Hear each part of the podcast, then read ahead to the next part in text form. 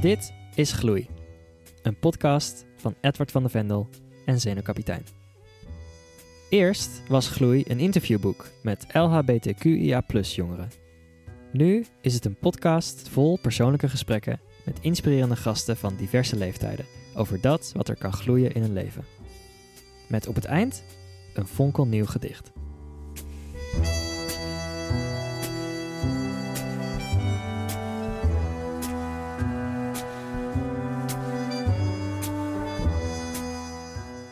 Astrid Nijg is componiste, tekstschrijver, zangeres, presentatrice, van alles eigenlijk.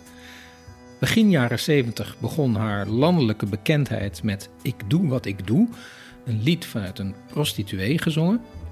Maar daarna volgden nog heel veel andere songs en kleinkunstopnames. Astrid is drie keer getrouwd geweest en is nu al jaren gelukkig met Louise.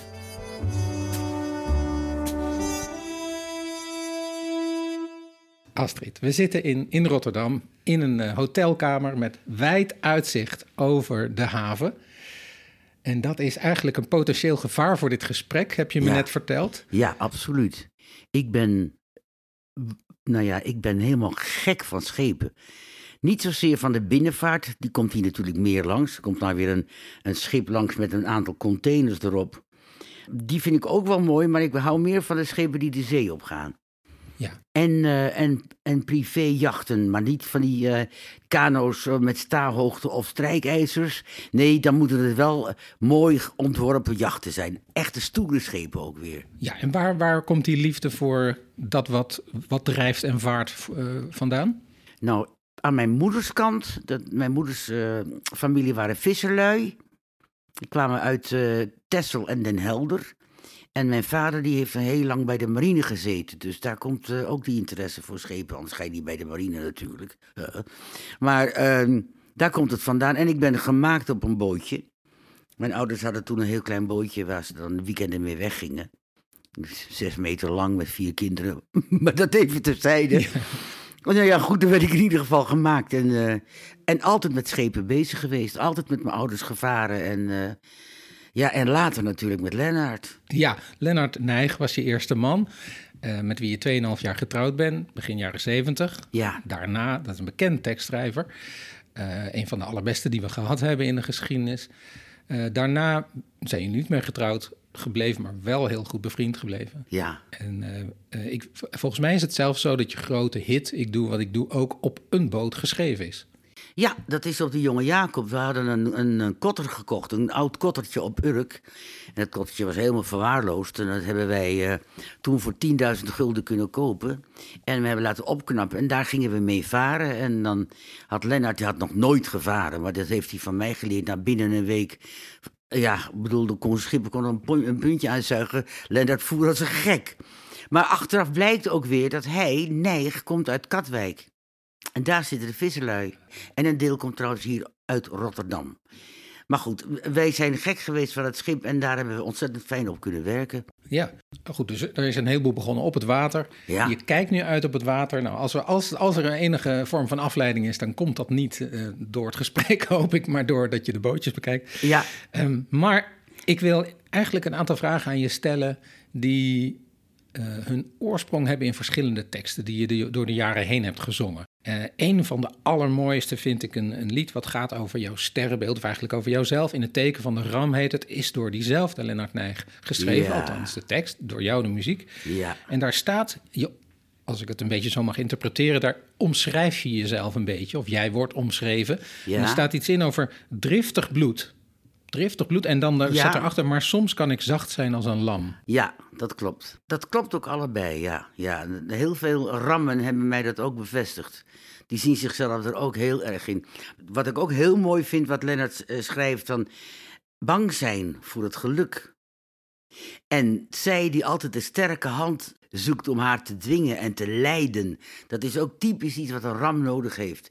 Ik, daar zit er eentje, die heeft eh, mijn, mijn eigen vrouw. Ja, je wijst naar Louise, Ja, die een dat- eentje nou, verderop zit. Ja. Ja, dat inderdaad. Ik heb een grote mond, althans op het podium. Thuis is het wat minder, hoewel dat even maar goed. Maar zodra het misgaat met mij, op wat voor manier dan ook, dan is zij er, bam! En dan komt die sterke hand en die leidt. En of je nou, zoals Lennart en ik, maar een paar jaar scheelden... of zoals Louise en ik eh 30 jaar met elkaar schelen... dat maakt niet uit. Het gaat erom wat die ram... Die, dit, dat heeft die ram nodig. En dat heb jij ook nog. Dat heb je altijd nodig gehad. Ja, ja. Ik ben ook, ja, ik ben ook een vadertype. Ik ben helemaal altijd idolaat geweest van mijn vader. Ja, dat, wilde ik, dat vroeg ik me af. Eh, in wat voor gezin groeide je op? Ja, een gelukkig gezin. Een, een, eh, een, een hele, ja, eh, laten we zeggen, productieve vader. Hij begon heel klein en toen hij op 57-jarige leeftijd overleed, toen was hij, eh, had hij drie fabrieken staan. Dus dan weet je ongeveer wat voor man het is geweest. Keihard werken en onvoorstelbaar goed in zichzelf geloven. Maar ook wel bang voor het donker. Bang voor het geluk was hij ook wel hoor. Maar dat komt dus achterlijke, eh, katholieke achtergrond, denk ik.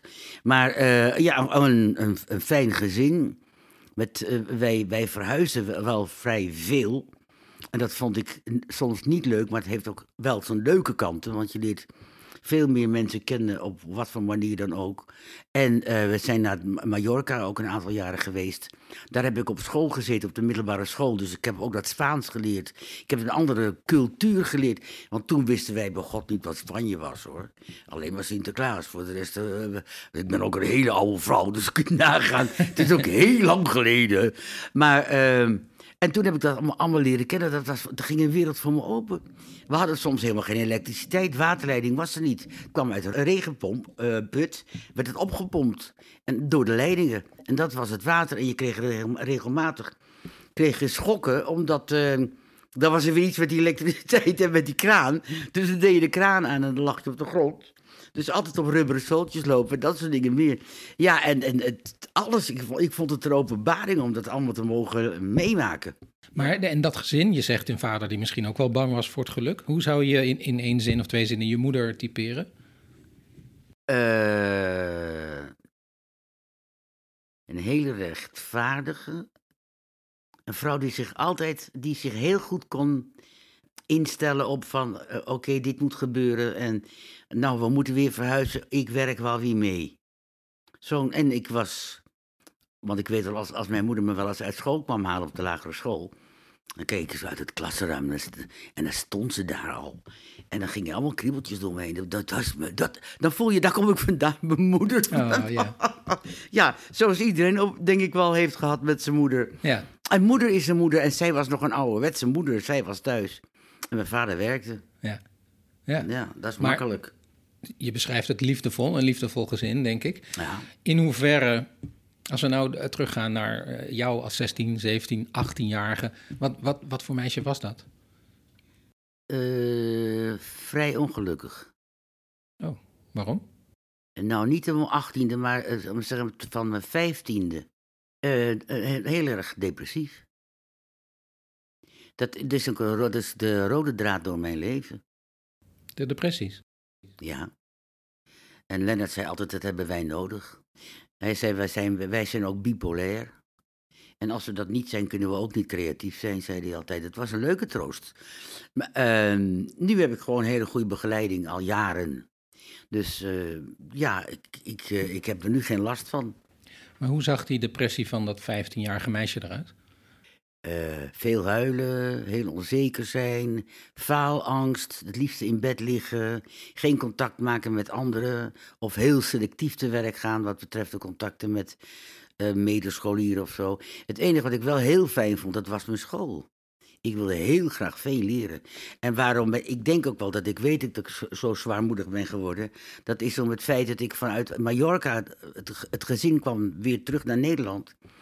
En ik werd eh, van de. Ik zat toen geloof ik in de eerste van het gymnasium op Mallorca.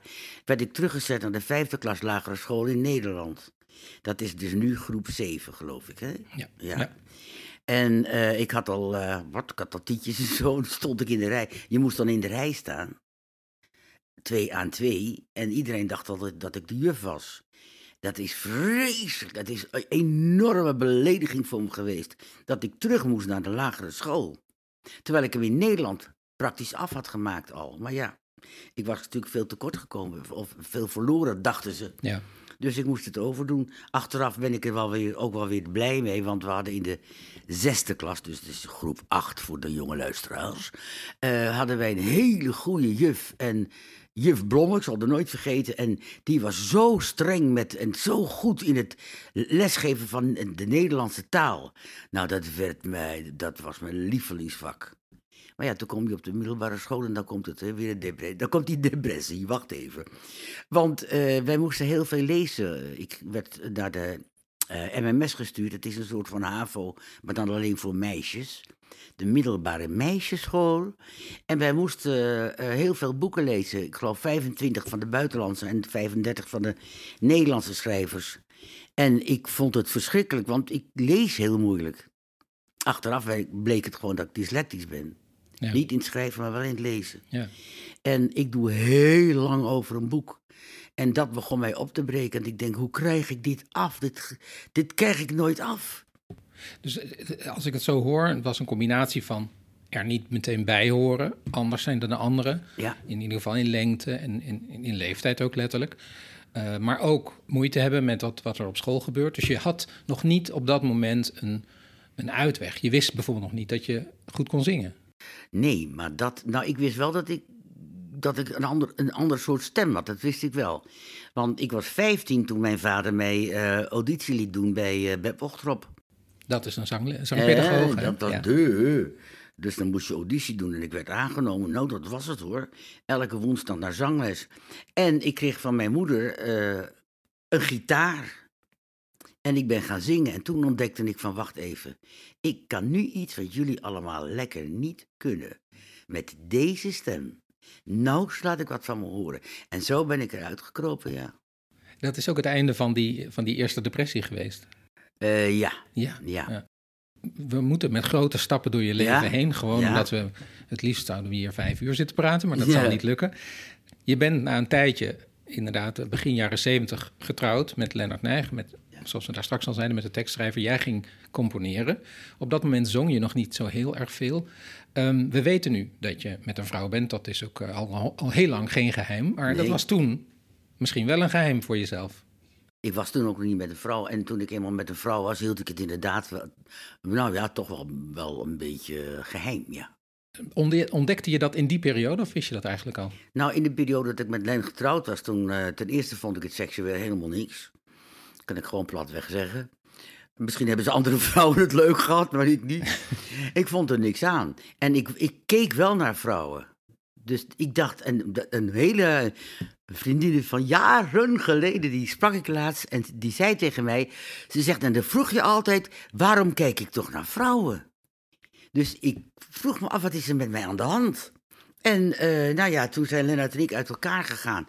En inderdaad, niet zo heel erg lang na ons uh, uiteengaan, ben ik eh, op een feestje in Rotterdam eh, eh, ontmaagd door een vrouw. Wacht, op een feestje. ja, Maar je bedoelt dat je daar eh, verliefd bent geworden? Of? Ja, ik had het een vriend van Lenne, die studeerde, eh, waar, maar in ieder geval die woonde dan ook op zo'n studentenwoning in, in Rotterdam, Jan Willem Schrover. En ik had Jan Willem gezegd, juist, ik heb kriebeltjes in mijn buik als ik naar vrouwen kijk. Nou, lang leven de seksualiteit was het, hè, we moesten dus wel openbreken allemaal. Nou, zegt hij, ik weet wel iemand, zus en zo, en ik breng jullie wel... Nou, we geven een feestje. Nou, en toen is het gebeurd. Oh, je, Ja. je- wat is er gebeurd? Toen ben ik naar bed gegaan. En ik, Oh, wat ik me goed kan herinneren, die, die zoen. Ik denk, god, een vrouw pas, het smaakt net zoals een man. Echt, zo naïef. Een vrouw smaakt net zoals een man. Een vrouw smaakt net... Ja, zoenen heb ik het over, hè, niet over iets anders. Maar, goh, een vrouw smaakt net zoals een man. Ik wist bij god niet wat, waar ik mee bezig was. Ik wist wel dat ik heel erg eh, gelukkig eh, naar huis reed de volgende dag. Ja, Het was een opluchting. Ik denk, oh, dit is het. Ik wil nooit meer anders. Nooit meer. was het zo sterk, dat gevoel? Ja. En, ik, en, de, en Lennart kwam toen bij mij even op de koffie om te kijken hoe het met me was. Want ik woonde in ons huis, want dat huis had ik ooit gekocht, dus ik mocht daar wonen. En hij woonde bij zijn ouders, maar hij kwam regelmatig langs. Nou, en hoe was het nou? Ik zeg, oh. Hij zei, wat je, je ogen hebben nog nooit zo mooi gestaan, Astrid, zei hij. Ik zei, nou, dan zal ik jou wat vertellen. Ik ben met een vrouw naar bed geweest. Hij zei, gelukkig, eindelijk. Nou, Eindelijk. En zo zijn we altijd broer en zus gebleven van elkaar. En soms op het schip waren we dan ook mannen onder elkaar. dan zullen je denken, het zal wel een heel erg, heel erg vierkant poteus typeje zijn, die neig. Nou, dat valt best mee. Maar wij wilden dan, wij speelden dan zeemannetje. Snap je? Dus hij was de kapitein en ik was de maat. Dus we waren mannen onder elkaar. En dat, dat was als, toen, als jullie weer gingen varen en dat jullie al uit elkaar waren? Ja, we hebben heel veel gevaren met elkaar. Ja. Heel veel. Ja, en dat was niet, specie- niet altijd om, om nieuwe liedjes te maken, maar dat was ook gewoon om eh, matroos en kapitein te zijn. Ja, ja, ja. Ja, want eh, ja, ja, ja, ja, ja, ik wil naar Engeland. Ga je mee? Nou, ik zou moet even aan mijn vrouw vragen, mijn toenmalige vrouw. Ja, dat is goed. Dus eh hup, in Hermuiden ging ik aan boord en we gingen naar Engeland. Want eh, ja, hij had een maat nodig, want we moesten 17 uur moesten we aan één stuk doorvaren. Dus dan ging hij aan het roer en dan ging ik weer aan het roer. Ja, hup, naar Engeland. En dat, eh, want hij was, en dat is het mooie, en dat ontdek je ook in heel veel van zijn teksten, de weemoed naar zijn eerste liefde. En zijn eerste liefde, Joke, die verhuisde nadat ze uit elkaar waren naar Engeland. En Engeland bleef altijd trekken voor hem. Dat is zo leuk en dat wil hij die nou met mij lekker delen. Nou, zo ging dat. Ja. Hij kon erover praten. We, ja, het was fantastisch. Echt fantastisch. Dit klinkt alsof de verhouding met Lennart na natuurlijk veel beter en veel Ja. leuker was dan Is tijdens. het ook, ja. En ik denk ook dat ik hem nu wel een beetje. Ja, ik denk toch wel. Ik, ik koester hem natuurlijk heel erg nu dat hij er niet meer is. Dat, eh, dus het zal misschien een beetje overdreven klinken, maar. En kijk, Louise weet het ook, ik hou nog steeds zielsveel van die man. Ja, want het is mijn, mijn, mijn schipper, mijn kapitein Jan Beschipper. En een maat en een schipper laten elkaar nooit vallen. Nooit, wat er ook gebeurt. Nee. En deze maat heeft zelfs de achternaam van deze schipper overgenomen. Ja, en daar, dat heeft Lennart, heeft Lennart zelf voor gekozen. Want ik wilde gewoon eh, onder de naam... Ik had eerst een singeltje uitgebracht in het Engels. Onder de naam Astrid Anderson. Ja. ja, daar moeten we het nog over hebben. Want dat eerste singeltje had als tekst... Do it every hour of the day. Ja. En do it all right. En ik dacht, toen ik dat liedje ging luisteren naar de tekst... dacht ik, nou, er zal wel een grap zijn. Er zal wel op het eind gaan dat het eigenlijk over ademen gaat of zo. Maar er is geen grap. Nee, dit is geen grap. Je allereerste liedje... Nee. Nog Niemand- voordat jullie getrouwd waren, ging gewoon over dat je vond dat iedereen de hele tijd seks moest hebben. Ja, want wij leefden toch in de, in de seksuele re- revolutie. Ja, het was in 69, hè? Ja, schat, liedje, ja. iedereen deed het met iedereen. Dus eh, of je nou jong was, oud of wat dan ook, maakt niet uit. Als je maar, als je maar van bil ging. Wij moesten dat, wij moesten dat even flink eh, opheffen, het hele seksuele leven van de mensen. Want eh, ze waren allemaal veel te burgerlijk. Nee, wij waren de revolutie. Ja, wij waren de revolutie. Dus do it everywhere. Some people like to do it in the garden. Do it in the morning, do it in the evening, do it in the open air.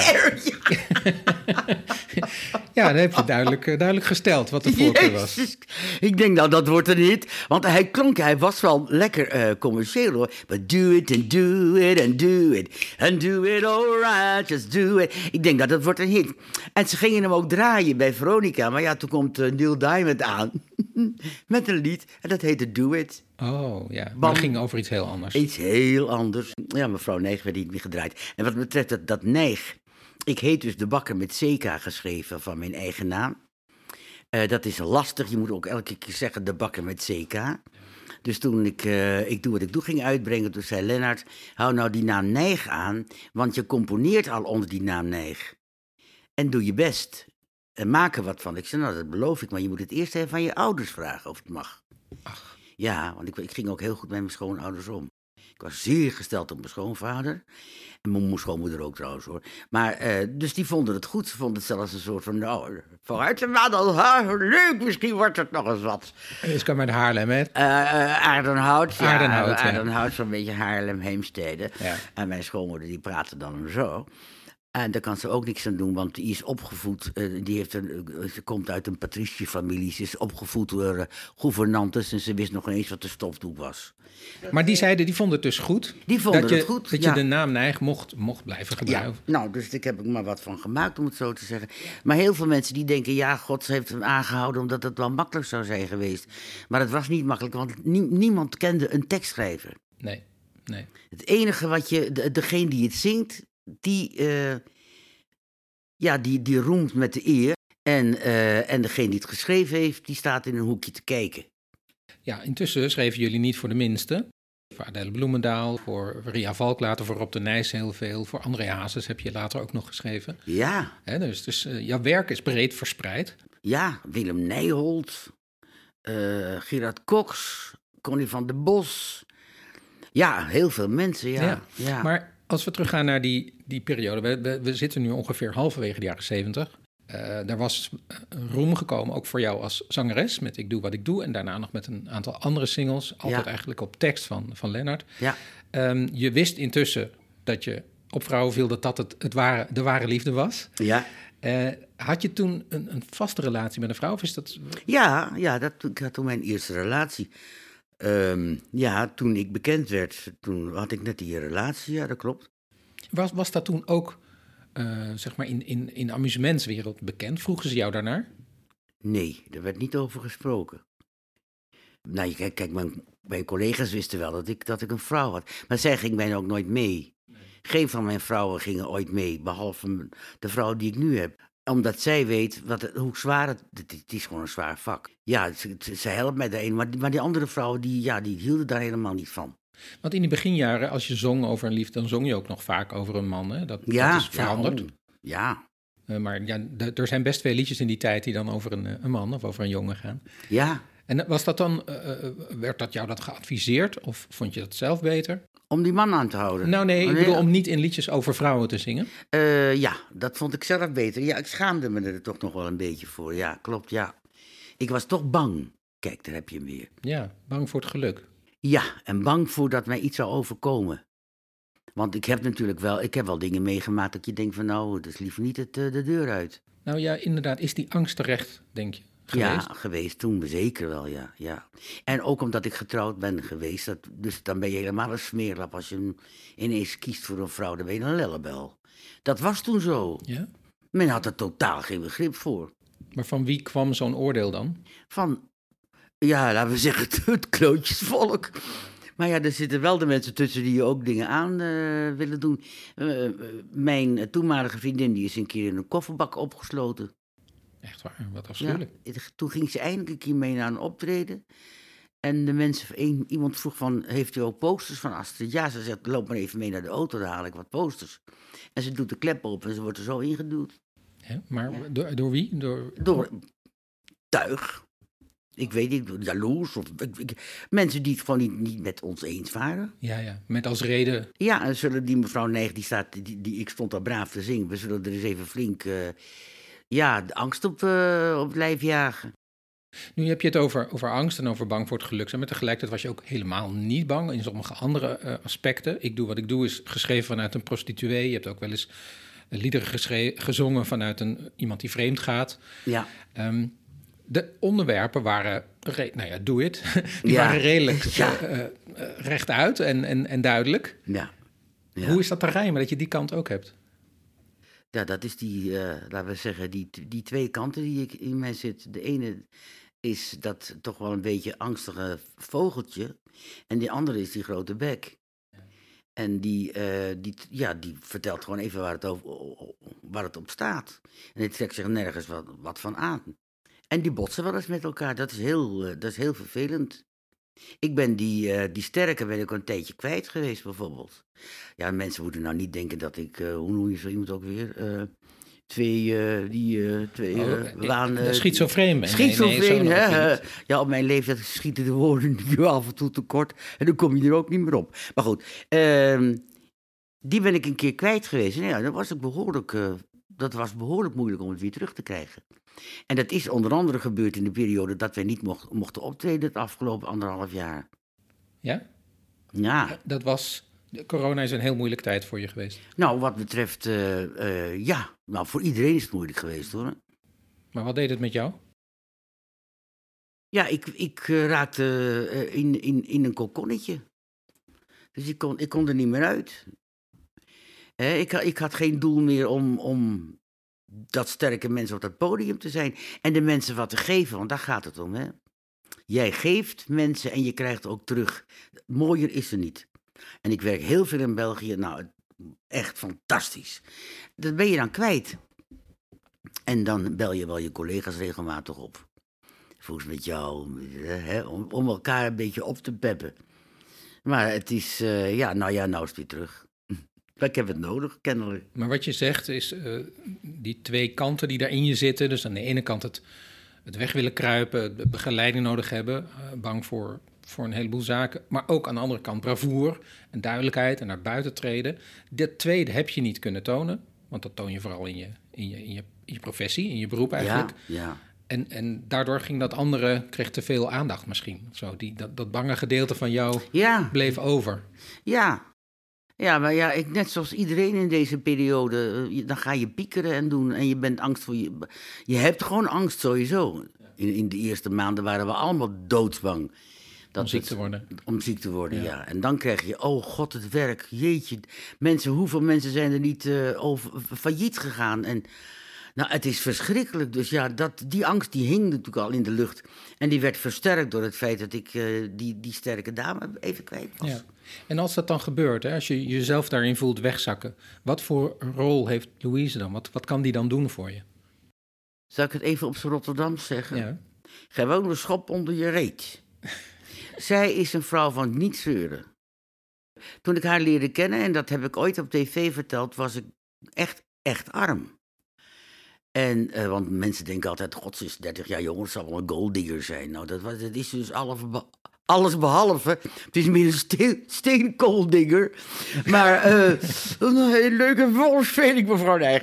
Nee, maar... eh, eh, en, en, toen, zei, en toen zei ze ook, maar hoe kan dat nou dat jij zo, hè, dat, je, dat je arm bent, dat je verdorie je olielamp moet branden om, om je te, op te warmen, omdat je geen verwarming meer, kan betalen. Ik zei, ja, weet ik niet, weet ik niet. Je gelooft, godver... Ja, dat ken ik wel wat langer natuurlijk. Je gelooft niet meer in jezelf en dit en dat en ik zal je, en eh, nou ja, en de tyfus en de tering. En zoals het in Rotterdam gaat.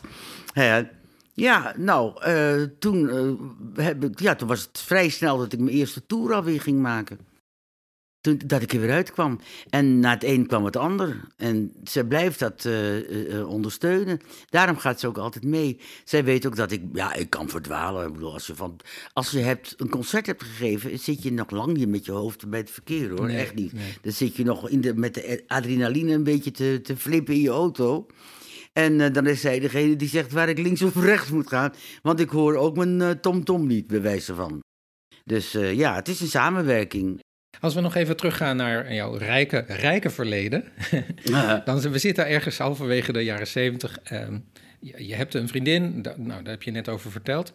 Toch trouw jij in 1977 weer met een man. Dat is een raadsel. De grootste fout in mijn leven. Ja, want je trouwde met Ad van Bezouw. Ja, Maar dat was niet zomaar een huwelijk. Kun je vertellen hoe dat ging? nee, Ad die, die leefde samen met Manfred Langer. En dat waren twee homo's. En die hadden ook horecabedrijven in Amsterdam. En ik ben in contact gekomen met een van de meisjes die daar werkte in, in een van die bedrijven. En daar werd ik, dacht ik, verliefd op, maar dat was helemaal niet zo. Het was een soort van uitvlucht. En dat, daar begint het eerste domme fout al. Toen ben ik wat je noemt een beetje ingepalmd door onder andere Manfred. Want die dacht, via Astrid kan ik ook wel carrière maken. En in de horeca, maar vooral ook omdat hij wilde zingen.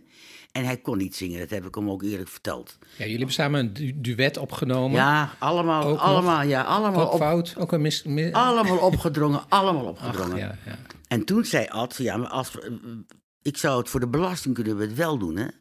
Ik zei, nou, laten we dan maar gewoon een bescheiden even naar, naar de notaris gaan en naar het stadhuis gaan en prima. En eh, nou, naar de notaris, daar heb ik ook voor getekend dat als hij zou overlijden, dat ik geen gebruik ga maken van het feit dat ik een weduwe ben. Dus ik neem afstand van nalatenschap eh, als, als, hè, als gehuwde vrouw.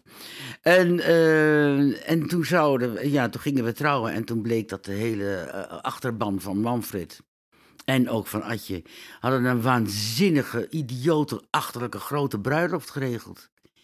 En ik durfde niet meer terug. En dat, dat merkte je En toen kwam op de, dag. Nou, een paar dagen ervoor hoor al. Ze waren wel met iets bezig.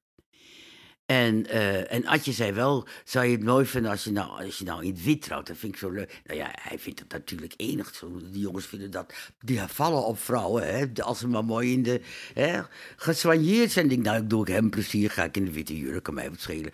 Maar toen, toen bleek het dus allemaal heel erg uit de hand te lopen. En toen durfde ik niet meer terug. En ik werd doodbang van hem, van Manfred en van die vrouw die ik daar had leren kennen. Oh, dat was een soort drietal tegenover jou. Ja. En eh, toen op een gegeven moment begon ook Manfred, als ik een, een vergadering had met platenmaatschappijen voor een nieuw project of zo, dan belde hij er tussendoor gewoon even midden in de vergadering op. Ja, vergeet je niet te zeggen dat ik ook een plaatje wil maken, dat soort dingen. Of hij, hij nou, had de directeur van een platenmaatschappij aan de lijn. Aan de ene kant was het een leuke jongen, echt een geweldige horecaman, wil ik niks van zeggen. Maar mijn leven hebben ze alle twee vergald. Ja, want Manfred Langer, de- dus de, de- degene waar je niet mee trouwde, maar die wel... nou, Partner was van... een paar- ja. Eigenlijk de partner was van, van. Ad van Bezouw, met wie je wel trouwde. Zij beiden zijn groot geworden in de, in de Amsterdamse homo-horeca. Oh, ja, maar. Manfred Langer eh, is misschien de allergrootste naam daarin, want die heeft onder andere de IT op, opgericht en ingericht. Ja. En eh, dat was een heel grote en heel bekende tent, Ja. inmiddels gesloten. Maar je leven vergalt, zo ver gaat het. Ja. En hoe... Woonden jullie samen oh, bijvoorbeeld? Nee, nee, dat, nee, ik woonde apart. Nou, die, die relatie met die eh barrevrouw of wat ze ook was, dat ging al gauw uit. Dus toen dacht Adje, nou pak ik Astrid helemaal in. En eh, hij begon mij te claimen. En het is zelfs zo geweest dat wij, we zaten toen eh, ook in een etablissement. Hij zit naast mij en hij zegt, jij gaat nooit bij mij weg. Hij had zo'n stem, hè. Oh. En hij geeft me zo'n zuigzoen hier in mijn nek. Ik durfde de volgende dag niet te laten zien. En toen brak het bij mij. Ik denk, dit is mishandeling. En toen ben ik naar de advocaat gestapt en zijn we gaan scheiden. En dit was een, na een jaar of na een half jaar? Of? Nou, eerlijk gezegd, dat zou ik nog ineens weten. Het, is zo'n... eh, ik, ik heb de dagen eh, niet geteld. Want het was een nare periode. En nog even dat we het goed begrijpen voor de belasting. Begrijp- Ja, wat- dat was toen zo. Dus dan, dan was het, hoefde hij gewoon minder belasting te betalen Ja, als hij getrouwd was was. zo, ja, dat ja, was het verhaal. Ja. En ik denk, nou ja, als hij daar profijt van heeft. eh, maar dan gewoon op een bescheiden manier en gezellig onder elkaar en leuk met vrienden. Nou, dat is dus eh, helemaal gigantisch uit. En daar werd ik later, heb ik daar dus de wrange vruchten van moeten plukken. Want toen, eh, dat werd niet gepikt, ook niet in mijn vak. Nee, want ze dachten dat jij meegewerkt had aan een soort showbiz huwelijk. Ja, precies, ja. ja. Maar zo is het absoluut niet geweest. Nee, nee, die vrouw heeft een truc uitgehaald, dachten ze, om weer een beetje aandacht te krijgen. Ja, nou ja, ik bedoel, ik wilde heel graag het theater in. Nou, dan had ik zeker niet de aandacht via een, een, zo'n huwelijk eh, gedaan. Want eh, dan kan je het al vergeten in het theater. Dan ben je een comediant. En ik wilde gewoon serieus theater doen. Dus dat is, eh, ja, dat is toen gigantisch misgegaan. Ja, ja. En, maar ja, ik ben er wel weer bo- bovenop gekomen. Hoe, hoe moeilijk of makkelijk was het daarna om weer echte liefde te vinden? Ja, nou moet ik even nadenken. Nou, ik heb toen wel een, It- een Italiaanse vrouw heb ik leren kennen. En daar ben ik wel eens een jaar of eh, vijf, zes mee geweest. En ik dacht ook wel dat dat echte liefde was. Maar ja, dat was het dus niet. Want Italianen zijn nogal vrij. dus die ging vreemd. Ah, dat, en je hebt ook even in Italië gewoond. Nee hoor, ze woonde hier. Ah ja, oké. Ja, nee, omdat je, je Ja, ja, liedjes in het Italiaans. Italiaans opgenomen. Ja, klopt ja. Want ik ben, ik, kijk, ik, ben, ik spreek natuurlijk redelijk Spaans van, van huis uit, althans van mijn schooltijd uit. En dat Italiaanse was ook heel makkelijk om voor mij om te leren. En het is een vreselijke mooie taal en het is vreselijk mooi materiaal. Dus ik denk, ja, ik ga lekker ook Italiaanse eh, stukken schrijven. Ja, ja, ja. En dat was een gelukkige periode totdat, ik, eh, totdat het weer afliep. En eh, we hebben het nog niet over de tijd eh, dat mensen van het gelijke geslacht konden trouwen. Dus je was niet met haar getrouwd, hè? Nee. Nee, nee. En hoe, hoe, hoe is het daarna nog verder gegaan? Wij zitten nu ergens in de jaren 80, 90. Ja, toen ik. kreeg ik eh, uiteindelijk toch wel weer een serieuzere relatie. En die heeft een jaar of vijftien geduurd. Ik heb dan ook mijn zoon gekregen. Dat kon. je kon je laten insemineren. En dan, eh, nou ja, dat heb ik dan gedaan. En daar is eh, mijn zoon uitgekomen, ja. Dus ik was, maar dat, toen werd het ook weer een hele rare periode voor me. Want dan ben je ineens ben je moeder. Eh, wij kozen ervoor dat zij had een goede baan buitenshuis en ik bleef binnenshuis. Want zij wilde ook niet dat ik ging zingen. Want ze was bang. Kijk, daar hebben we hem weer. Zij was bang dat mij iets zou overkomen omdat ik zo ben en dat ons kind iets zou overkomen. Nou ja, ik heb het moederschap geaccepteerd en ik heb het voldaan zoals het elke moeder dat doet met, met hart en ziel. En eh, Ja, dat, dat, het is na 15 jaar uitgegaan. En toen werd ze weer vrijgezel. Ja, het is wat er niet te geloven eigenlijk. Ja. Ja, 15 jaar is best een hele lange, respectabele Ja, maar ja, tijd. dat was eerlijk gezegd na een jaar of drie eigenlijk al bekeken. Maar eh, je gaat voor je kind niet scheiden. Dat, zo waren wij. Wel heel gezellig hoor, niks, aan, niks op aan te merken. Maar eh, het was, eh, ja, koetel de koet. Hmm. En dat was je derde huwelijk, hè? Ja, daar ben ik mee eh, getrouwd. En eh, toen is het misgegaan. Zij had een ander gevonden en ik, ehm, zij werkte buitenshuis in, de, in de provincie Zeeland. En dan in de weekenden kwam ze thuis en dan moest ik de weekenden weg. Want zij mocht van haar nieuwe vriendin niet met mij onder één dak. Mind you, ons eigen huis, hè? Oh, ja. ja. Dus toen ging ik elk weekend moest ik weg. En ik heb het allemaal gedaan. Je hebt enorm veel strubbels meegemaakt in de liefde, als ik het zo hoor. Ja, Doet me een beetje denken aan, eh, aan een liedje wat je ook hebt gezongen. Sarah Leander was, Och, een, was een grote eh Zweed-Duitse zangeres. ja. Die, jij, die ook een contra-alt is, net zoals jij, die je erg bewonderd hebt. En je hebt een album met haar liedjes dan in het Nederlands opgenomen. En een Ja. daarvan is Lach maar, want huilen, Huilen hoeft niet. niet. Ja, en daar, daar staat bijvoorbeeld in... eh, wees om die ene, maar zo bedroefd niet. ja. Er zijn er meer hoor, er zijn er zat. Je hebt de helft niet eens gehad. Gehad, ja, goed hè. Ja, Het is de enige. Ja, maar eh, zijn het nou ook woorden die, die je helemaal onderschrijft? Of, eh, Nee, dat is, het is wel vrij vertaald natuurlijk, hè, door Lennart. ja. En ik vind die grap, ik vind het juist heel leuk. Het is ook zo, ja, ja. Maar ik denk dat, eh, eh, misschien is het wel helemaal mijn eigen schuld, zou kunnen hoor. Dat ik een onmogelijk mens ben om mee te leven. Ja, dan gaat het, eh, dan, dan gaat het uit. We kijken naar Louise. Ja, ik maakt heb een heel- gebaar alsof, ja. ze, alsof ze niks zegt en het sleuteltje van haar mond Ja, weggooit. ja, ja, ja, ja. Nee, ik heb heel veel nadelen natuurlijk. Ik ben slordig, ik ben niet huishoudelijk, ik ben egotripper natuurlijk. Eh, mijn ene helft, hè, die andere niet hoor. Maar die artiesten zijn natuurlijk ook allemaal egotrippers en eh aandachtsvragers. En dat moet je maar allemaal tegen kunnen. Plus dat die depressies regelmatig om de hoek kwamen kijken. Dus dat is voor een partner ook niet leuk. Dus ik heb het gewoon, ja, niet, niet zelf veroorzaakt, maar ik heb het ook niet getroffen. Ik heb het gewoon even niet getroffen. Nee. En zij ook niet. En wat is, wat is jouw leuke kant in de relatie? Want nu ben je een beetje negatief over jezelf. Maar... Eh, ik ben heel, eh, ja, ik ben een pleaser. Ik doe graag iets voor, voor, eh, voor mijn partner en ik verwen er graag. Niet in materialistisch opzicht, maar gewoon in de kleine dingetjes. En ben, ik ben redelijk, of redelijk, ik ben gewoon heel erg begaan met mijn partner. Ik kan me heel goed indenken wat zij voelt en, en ook daarvoor zorgen dat, dat we daar beide van genieten en niet dat ene verdrietig of, of wat dan ook is, of zich alleen voelt staan omdat de andere bezig is met een vak bijvoorbeeld. Nee, ik ben, ja, ben een pleaser, denk ik. Denk ik hoor, ik weet het niet. Ja, ja, Louise knikt, ja. Hmm. Want als je nu zegt, ik, ik ben ook een egotripper soms, hè, dat is dus zoals alle artiesten. eh, dat is wel bijzonder dat je het zegt. Dus blijkbaar kan je dat ook corrigeren van jezelf. Zie je het ook? Ja, maar ja, ik vind ook dat. De, de- kijk, als je geen egotripper bent, dan ga jij dat podium niet op. Op het podium, en dat zeg ik je ook echt eerlijk. Ik geef heel graag mooi materiaal aan de mensen. En ik geef al mijn energie, maar ik voel me ook onvoorstelbaar sterk.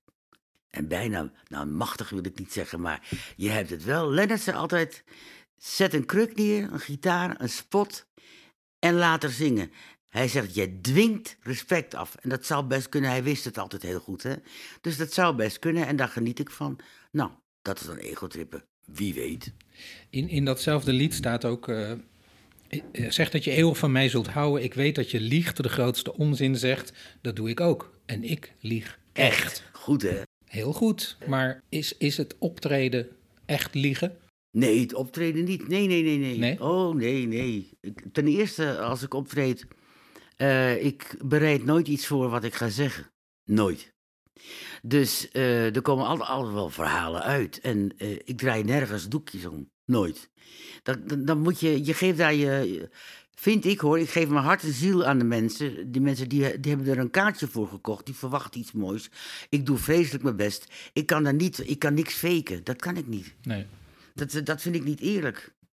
Dus ik kan ook niet liegen. Nee, dus op het podium ben je oprecht. Ja, absoluut. Ja. Ja.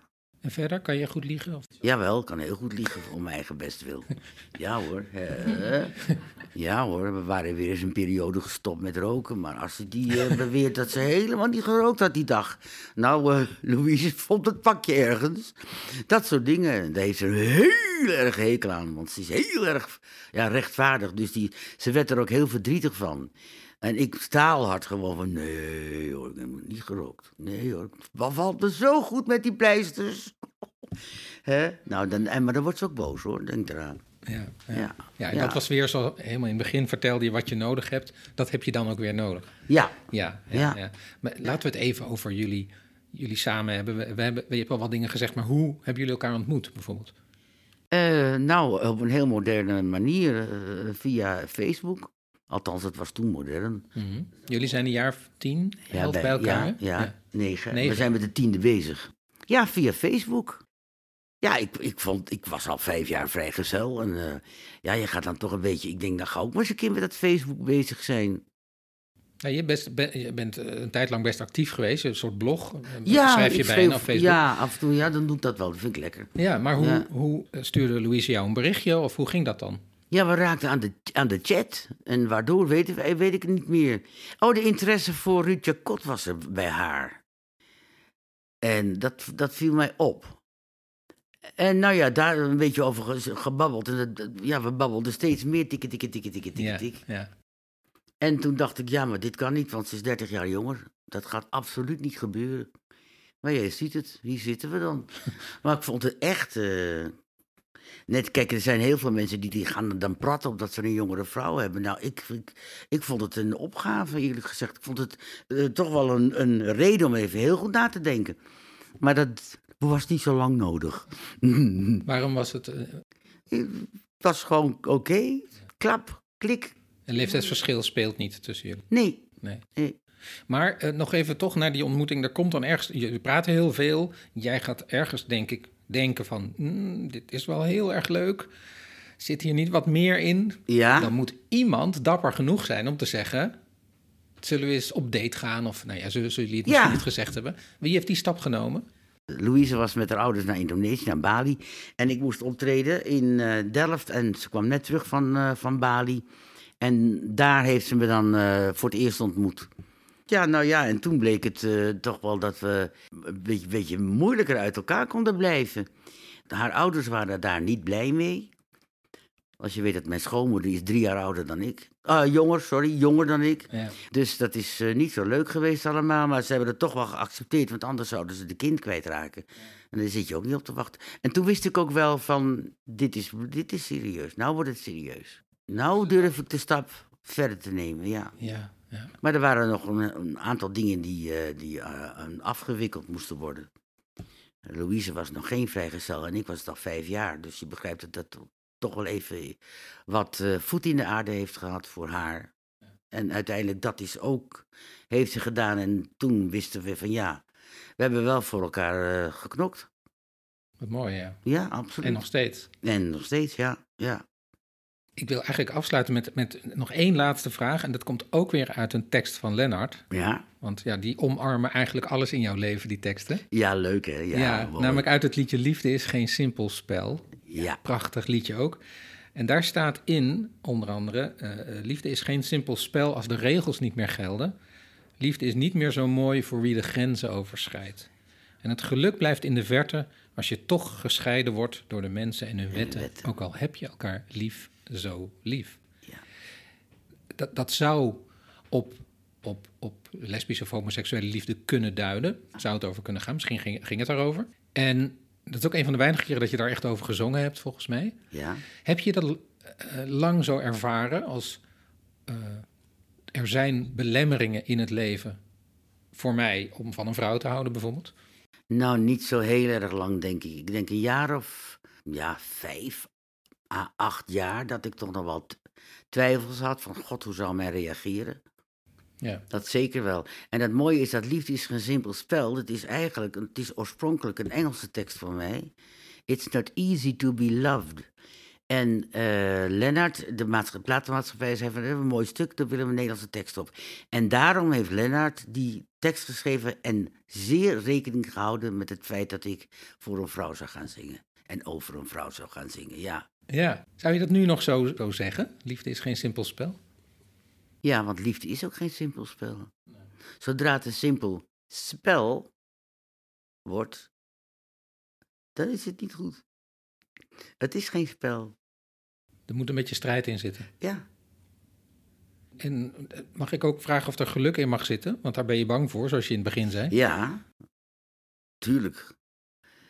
Maar als je, het, eh, als je de liefde niet beschouwt als een spel, maar echt als een, ja, bijna een soort van levenswijze. Als, je, als de liefde tussen twee mensen, dan is het geluk daar ook.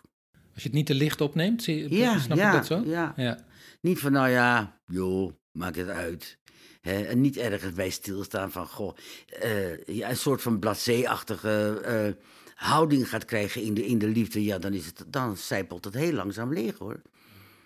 Dan is het zo eh, afgelopen. Ja, sorry hoor, ik word weer afgeleid. Ik dacht even dat ik een, een leuk jacht zag. Maar het is een, eh, het is zo'n een pont. Oh, wat is, hij is wel mooi.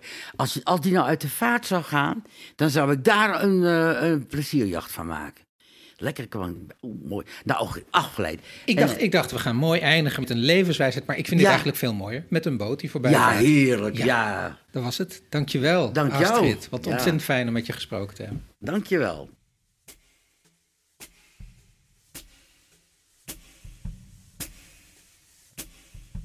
Bij dit gesprek maakte Willemijn Kranendonk een gedicht.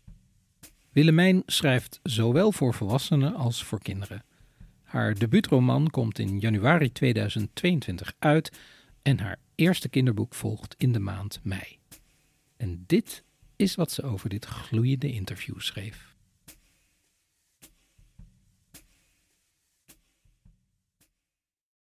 als je voorouders schippers zijn.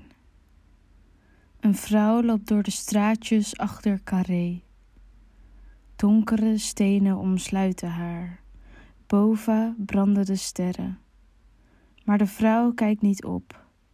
Ze neuriet een deuntje dat richting de grachten beweegt. De melodie verdwijnt onder de bruggen. De vrouw wandelt naar de kade. Haar voeten brengen haar als vanzelf. Ze vouwt haar handen. Er groeien vissen uit haar vingertoppen. Haar vroegste voorouders schieten geruisloos het donkere water in. De vrouw hoort iemand zingen met een Rotterdams accent. Ze herkent de stem, ziet niemand, dus ze loopt. Denkend aan een leven dat voorbij is. Een showbiz-huwelijk een bleke vrouw op een feest. Nee, de liefde is geen simpel spel. In het geheim wordt er van iemand gehouden. De vrouw is bijna thuis. Straks kan ze de make-up eindelijk van haar gezicht wassen, de haarlak uit haar haren kammen. Als je voorouders schippers zijn, zwem je al gauw tegen de stroming in.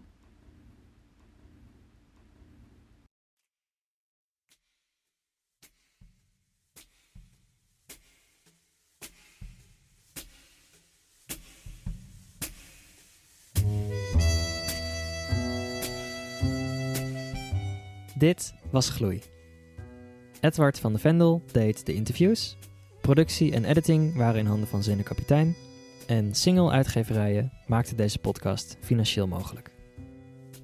Het gedicht van deze week werd geschreven door Willemijn Kranendonk en Floor de Goede maakte een getekend portret. Te zien in je podcast-app, op @gloeipodcast op Instagram en op gloeipodcast.nl. Daar vind je ook de tekst van het gedicht, ons mailadres en alle afleveringen bij elkaar. Volgende week woensdag komt er weer een nieuw gesprek online. Tot dan!